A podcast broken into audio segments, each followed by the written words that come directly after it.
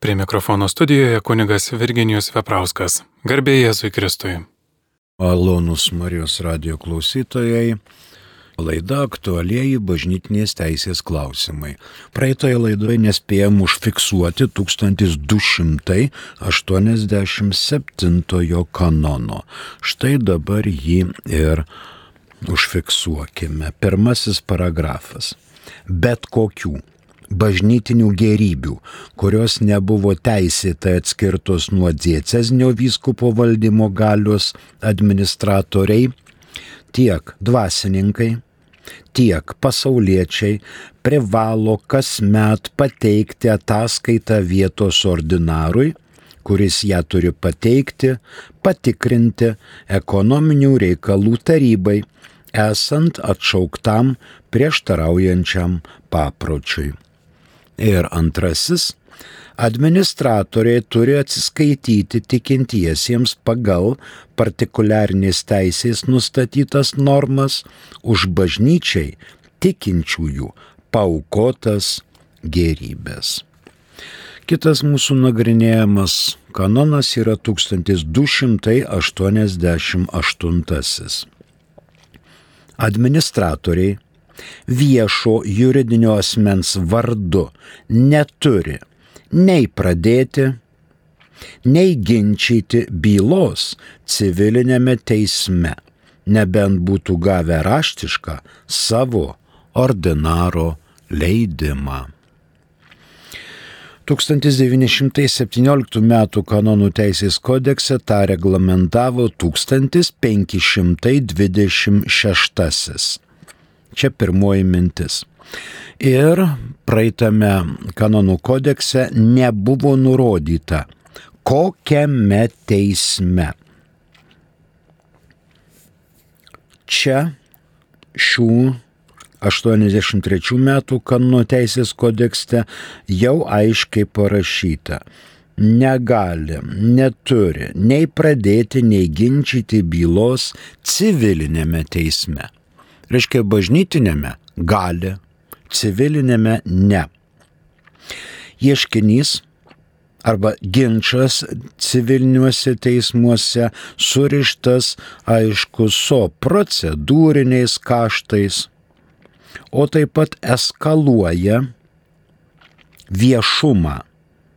Nebūtina tiek socialinėse, tiek viešojoje erdvėje, kas iššaukia galima panašių procesų generavimą prieš kitus bažnyčios subjektus. Gali būti žinoma arbitražinis teismas, komerciniai ten teismai, kurie per mėnesį laiko staigi išsprendžia ten jau neprieina nei žurnalistai, nei kiti žiniasklaidos atstovai ir arbitražę galima jau greičiau susitvarkyti reikalus teisminius, tačiau tai atitinkamai ir kaštuoja. Dabar antroji mintis. Reikalingas ordinaro raštiškas leidimas.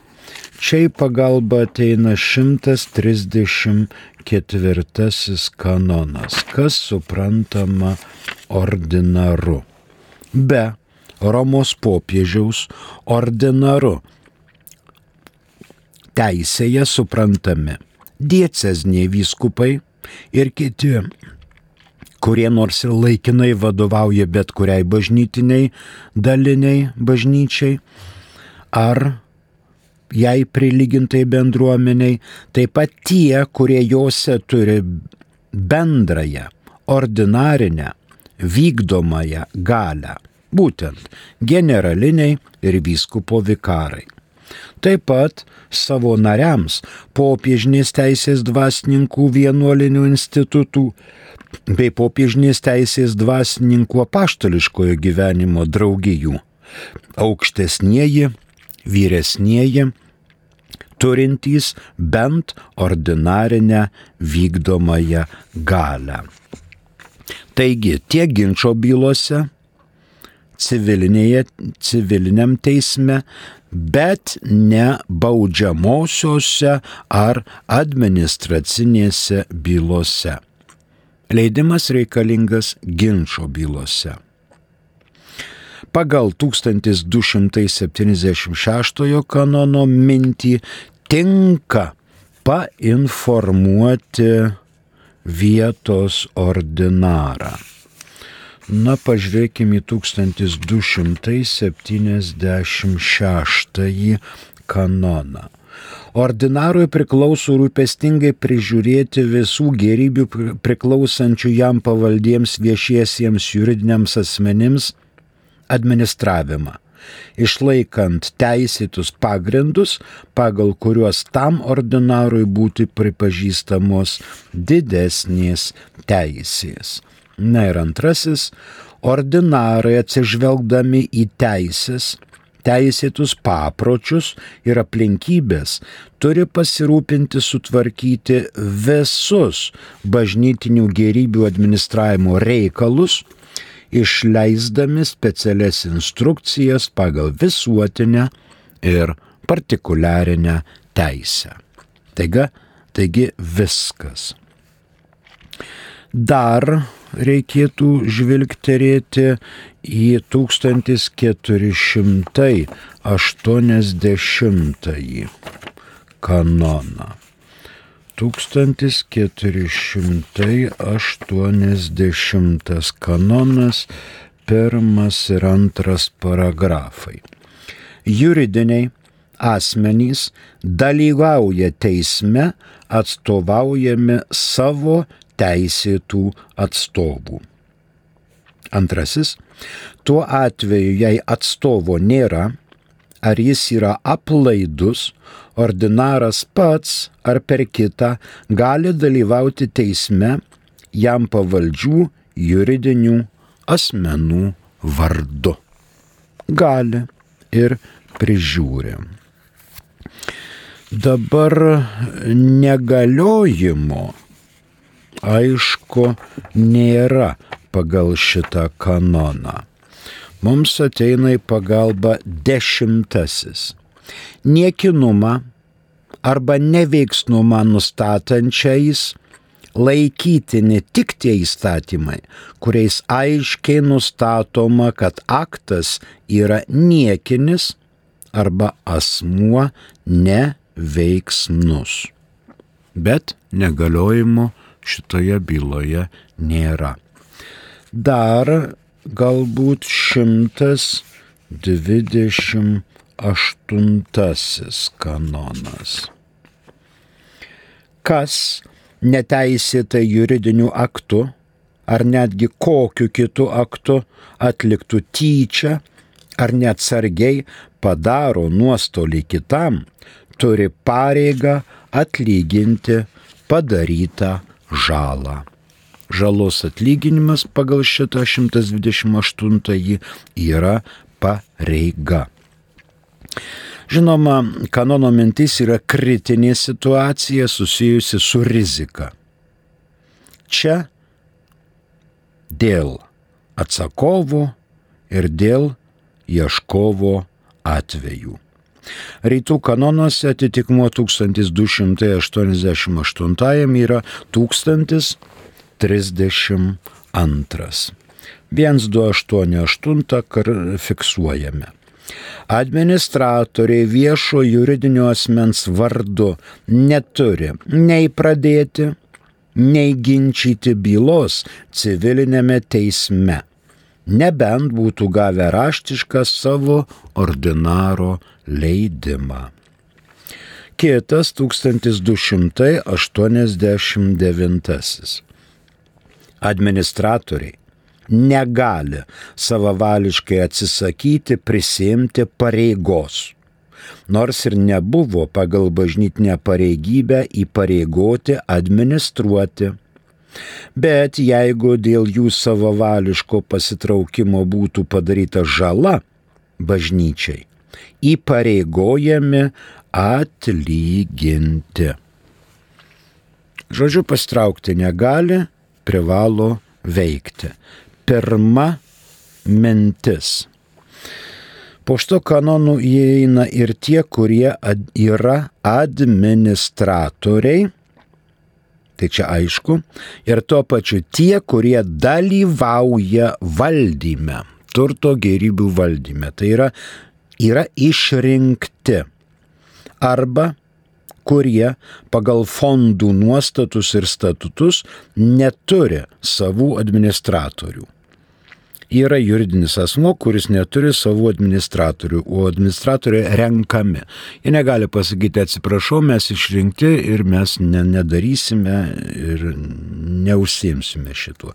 Jie yra įpareigoti pagal bažnytinę teisę tą daryti. Antra mintis. Jie negali atsisakyti. Į pagalbą vėl ateina 147 kanonas. Bažnytinė pareigybė suteikiama kompetentingos bažnytinės valdžios laisvų skirimu. Jos paskirimo suteikimu, jei prieš tai buvo teikimas, jos patvirtinimu, ar sutikimu, jei prieš tai būtų, buvo rinkimai ar postulacija. Pagaliau, paprastais rinkimais ir išrinktojo sutikimu, jei rinkimai nereikalauja patvirtinimo. Kitas 187 kanonas. Kiekvienas atsakingas už save gali dėl teisėtos priežasties atsistatydinti iš bažnytinės pareigybės. Na ir gal dar 184 pirmasis. Bažnytinė pareigybė prarandama pasibaigus nustatytam laikui. Pasiekus teisės nustatytą amžių, atsistatydinimu, perkėlimu, pašalinimu ir atėmimu. Na, galima dar ir kitus du paragrafus perskaityti. Bet kokiu būdu pasibaigus pareigybę skyrusiojo valdžiai bažnytinė pareigybė neprarandama, nebent teisės būtų nustatyta kitaip. Trečiasis - apie padarinius sukėlusi pareigybės praradimą. Kuo greičiau turi būti pranešta visiems, kuriems priklauso bet kokia pareigybės suteikimo teisė. Dabar negali dinkti laisvanoriškai sugalvojo ir pasišalino negali pasitraukti nepranešę. Jei taip ir atsitiktų, negali būti bažnyčiai skriaudos ir turi ateiti žinoma restitucija. Mūsų girdėti 128 kanonas ir 187. Trečioji mintis. Bažnyčia čia suprantama ne tik visuotinė, bet ir dalinė. Tarkim, viskupija, parapija, dekanatas, vienuolyje, bet ir bet kuris viešas bažnytinis juridinis asmuo. Pareigybės prarandamos, kaip girdėjote, pasibaigus terminui, nušalinant, sukakus amžiui, perkeliant administraciniu keliu, baudžiamuoju keliu, na ir žinoma tokia pagrindinė pareigybės atėmimo, praradimo medžiaga yra pati mirtis. 1917 m. kanono teisės kodekse tai reglamentavo 1279. Pareigybė tokiu atveju buvo beneficija. O dabar administravimas šitas yra pareigybė. 17 metų kanonų teisės kodekse buvo beneficija, o dabar pareigybė. Rytų kanonuose atitikmuo 1033 kanonas. Na ir 1289 fiksuojame. Administratoriai negali savavališkai atsisakyti prisimti pareigos nors ir nebuvo pagal bažnytinę pareigybę įpareigoti administruoti. Bet jeigu dėl jų savavališko pasitraukimo būtų padaryta žala bažnyčiai, įpareigojami atlyginti. Tai šitą skirelį pabaigėm, dabar einam prie kito skirelio, kuris vadinasi sutartys, ypač perleidimas. Perleidimas tai, na, lotiniškai alienacijo Alienacija taip ir mes vadiname. 1917 m. kanonų teisės kodekse tą reglamentavo 1495. Ir alienacija pagal ankstesnį kodeksą priklausė valdymo aktams atėjo 1979 ir bažnyčia nustatė, kad alienacija nėra nei paprasto, nei ekstraordinarinio valdymo aktas. Ir naujasis kodeksas skyrė šitam reikalui, perleidimui arba alienacijai naują skirsnį. Tai atskiras valdymo turto valdymo aktas. Ir čia iš eilės 1290 kanonas. Štai jis. To, ką teritorijoje dėl sutarčių tiek bendrai, tiek konkrečiai ir dėl vykdymo nustato civilinė teisė, turi būti laikomasi ir kanonų teisėje su tais pačiais padariniais dėl dalykų pavaldžių bažnyčios valdymo galiai, jei tai neprieštarauja dieviškai teisiai arba kanonų teisė nenustato kitaip. Ir liekant galioti 1547 kanono nuostatai. Dabar prie 1290 pirmoji mintis. Šis kanonas faktiškai išplečia 22 kanoną. 22 kanonas. Štai jis. Valstybės įstatymai, į kuriuos nukreipia bažnyčios teisė, kanonų teisėje sukelia tuos pačius padarinius tiek, kiek šie įstatymai neprieštarauja dieviškajai teisėjai ir jei kanonų teisė nenustato kitaip. Tai 22. Dėl civilinių įstatymų galiojimo toje teritorijoje ne visam margam gražiam pasaulį, bet toje teritorijoje. Čia dėl sutarčių. Ne dėl moralės, o dėl sutarčių. Klausimai.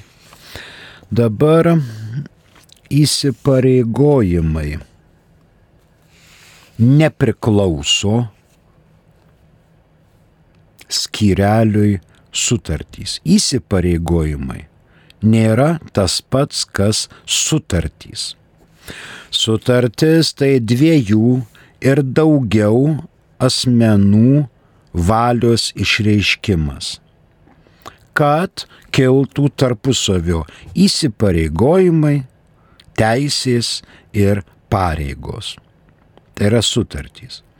Dabar įsipareigojimas yra šalių santykių rūšis. Kai įsijungia dvi šalys - skolininkas ir laiduotojas. Įsipareigoja. Sutartis keldina įsipareigojimų šaltinį. Šiuo atveju čia nėra vien turtinės sutartys. Sutarčių sąlygos aptariamos visoje eilėje kanonų. Gal mes juos dabar trumpai ir žvilgterėkime, nes tai e, susiduria vienoje plotmėje ir kanonų teisė, ir civilinė teisė. Žiūrėkime į 192 asmuo pašalintas iš pareigybės tiek teisėtai išleistų kompetentingos valdžios dekretu, išsaugant galimai sutartimi įgytas teisės, tiek pačią teisę pagal 194 kanono normą. Dėl pašalinimo. Kitas mums svarbus 271 trečias paragrafas. Dvasininkas teisėtai perėjęs į kitą dalinę bažnyčią ir likęs inkardinuotas savo bažnyčioje, dėl pateisinamos priežasties gali būti atšauktas savo dieceznio vyskupo, jei tik yra laikomasi su kitu vyskupu sudarytų sutarčių ir prigimtinio teisingumo. Taip pat tokiomis pat sąlygomis kitos dalinės bažnyčios diecesnis vyskupas dėl pateisinamos priežasties gali atsisakyti leisti tam pačiam dvasininkui toliau pasilikti savo teritorijoje. Čia apie dvasininkų buvimą ar vienur, ar kitur. Toliau kitas 289 antras paragrafas. Dvasininkai turi naudotis jų naudai suteiktais įstatymų, sutarčių ar papročių atleidimais nuo prievolių ir viešų civilinių pareigų svetimų dvasininko statusui vykdymo. Nebent konkrečiais atvejais savas ordinaras nuspręstų kitaip. Kitas 296. Su prelatūra sudarę sutartis pasauliečiai gali pasišvesti apašaliniams asmeninės prelatūros darbams.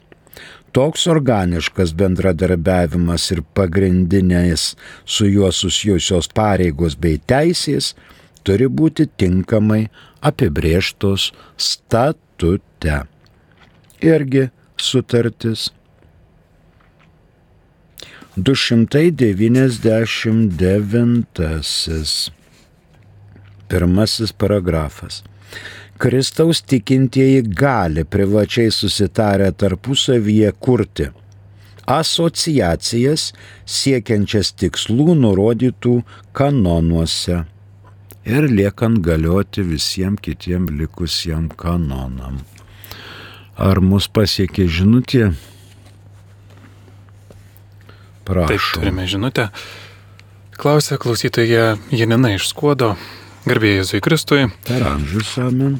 Gal galima būtų sužinoti, kiek Lietuvoje naujų seminaristų įstojo į kunigus? Ačiū. Dėkui. Šiuo metu šią informaciją nedisponuoju, čia geriausiai klausti reikia seminarijos rektoriaus dar ne rugsėjo pirmą. Rugsėjo pirmą paprastai jau paaiškėja kiek. Dabar gali būti dviejonių arba gal atsisako kas nors iš tiek daugybės stojančiųjų, kurie norėtų. Tai dar dabar anksti, dar turime keletą dienų, kokią gerą savaitę iki rugsėjo pirmos. Ačiū, ponė. 520 kanono antras parapijos patikėjimas, apie kurį kalbama anksčiau, gali būti padarytas tiek visam laikui, tiek konkrečiam iš anksto nustatytam laikotarpiui. Abiem atvejais jis turi būti padarytas tarp diecezinio vyskupo ir kompetentingo vienuolino arba draugijos vyresniojo, sudarant raštišką sutartį, kuri be kitų dalykų aiškiai ir tiksliai turi apibriežti visą tai, kas susiję su atliktinu darbu, jei paskirtais asmenimis ir ekonominiais klausimais. Vėl sutartys. Dabar šeši, aštuoni, vienas. Šešišimtai aštuoniasdešimt pirmasis kanonas. Antrasis paragrafas. 681 Antrasis paragrafas. Tokiais atvejais turi būti sudaromas susitarimas raštu tarp diecezinio vyskupo ir kompetentingo instituto vyresniojo, kuriame be kitų dalykų aiškiai ir tinkamai būtų apibriešta tai, kas susijęs su atliktinu darbu, nariais, kurie bus jam priskirti ir ekonominiais klausimais, kad žinotumėm apie ką skaitom pirmąjį. Darbai, kuriuos diecezinis vyskupas paveda vienuoliams, atliekami paklūstant to paties vyskupo valdžiai ir vadovavimui. Taigi, vienuolynai 6, 8, 1. 790 kanono. Pirmo paragrafo antrasis.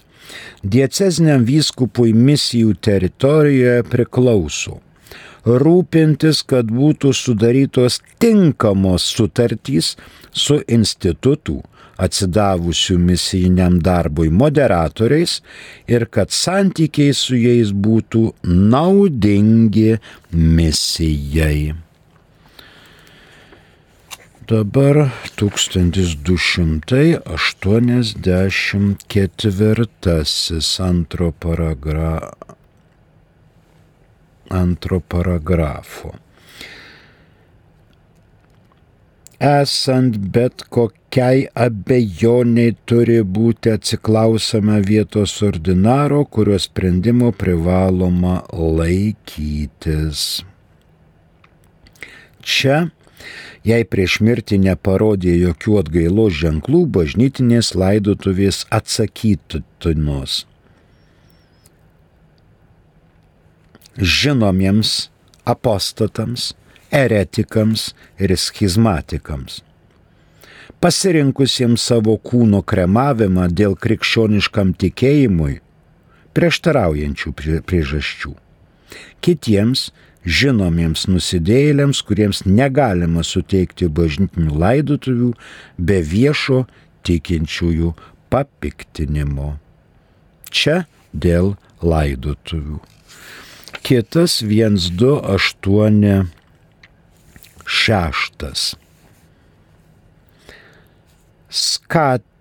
Skatindama Dievo tauto šventėjimą, bažnyčia paveda Kristaus tikintiesiems ypatingai ir sūniškai gerbti švenčiausiąją mergelę Mariją Dievo motiną, kurią Kristus paskyrė visų žmonių motiną ir skatina tikrą ir autentišką kitų šventųjų kultą, kad jų pavyzdžių Kristaus tikintieji būtų ugdomi ir užtarimu palaikomi. Prašom laikytis, bus viskas gerai. Na, galima dar du panagrinėti 1411 pagal sutartį šalis gali būti šaukiama į tribunolą tos vietos, kur buvo sudaryta sutartis, arba, kur ji būtų įvykdyta. nebent šalį sutartinai pasirinktų kitą tribunolą. Na ir dabar paskutinis 1485,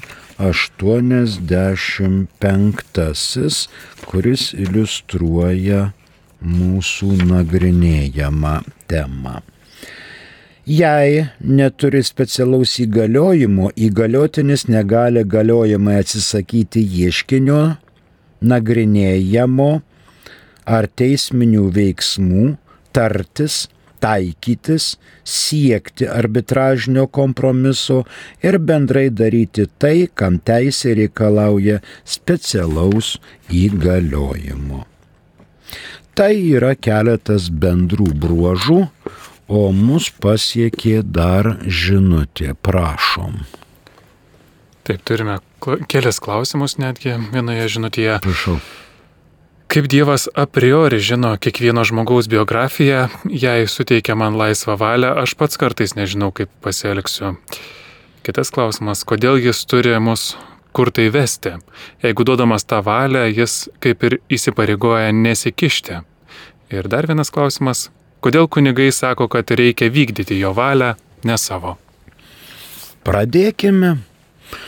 Žinot, katalikai sekmadieniais ir įsakytų švenčių dienomis kalba apaštalų tikėjimo išpažinimą arba simbolį, kuriame tvirtina, tikiu Dievą Tėvą visagalį.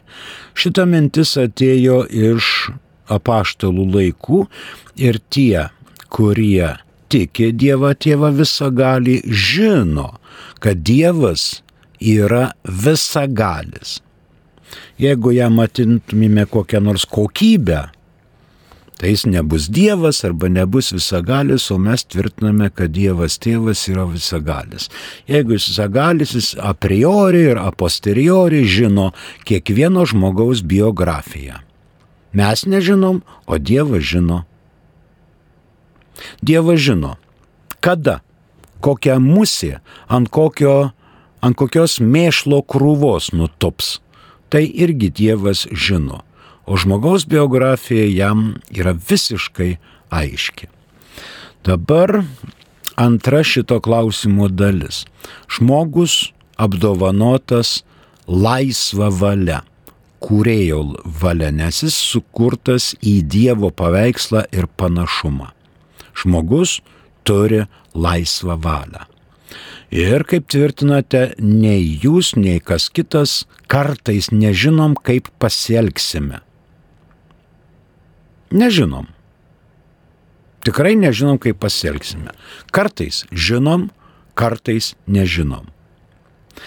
Ir todėl Dievas mus veda su angelo sargo, su šventųjų pagalba, nes žmogus yra sukurtas džiaugsmui ir lais, laimiai, bet jisai nusidėjo Adomo ir Jėvos asmenyje, nusikalto, užsitraukė nuodėmę ir nuodėmės pasiekmė, viena iš pasiekmių yra mirtis.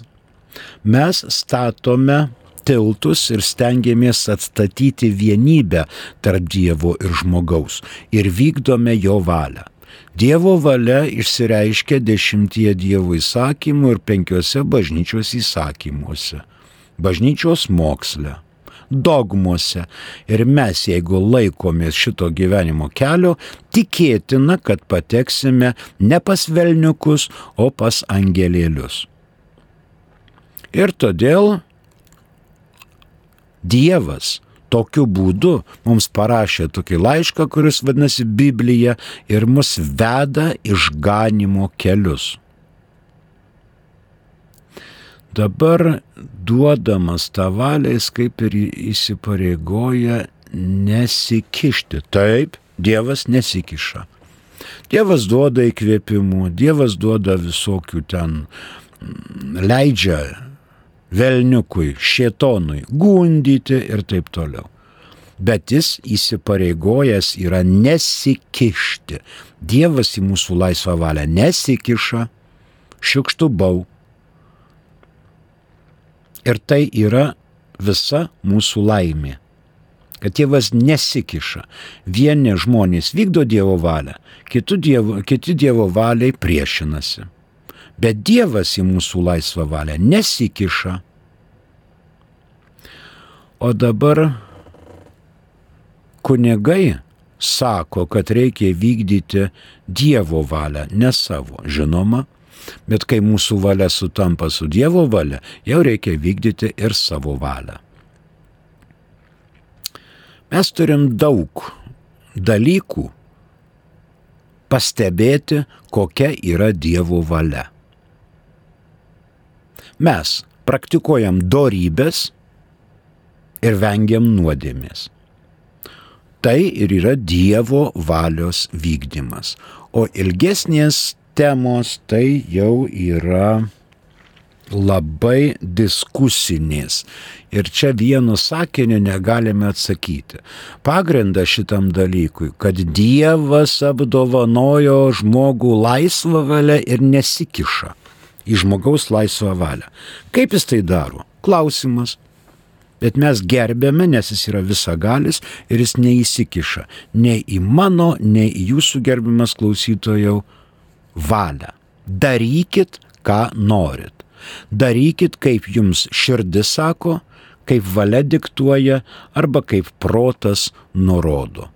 Elkitės. Bet nuoširdžiai. Ir žinoma, būsit išganytas. Ačiū. Dabar toliau prie 1290-ojo mes grįžtumėme, bet tačiau laikas mus riboja ir su jumi atsisveikino. Prie mikrofono dirbo kunigas Virginijus Veprauskas. Ačiū ir sudie.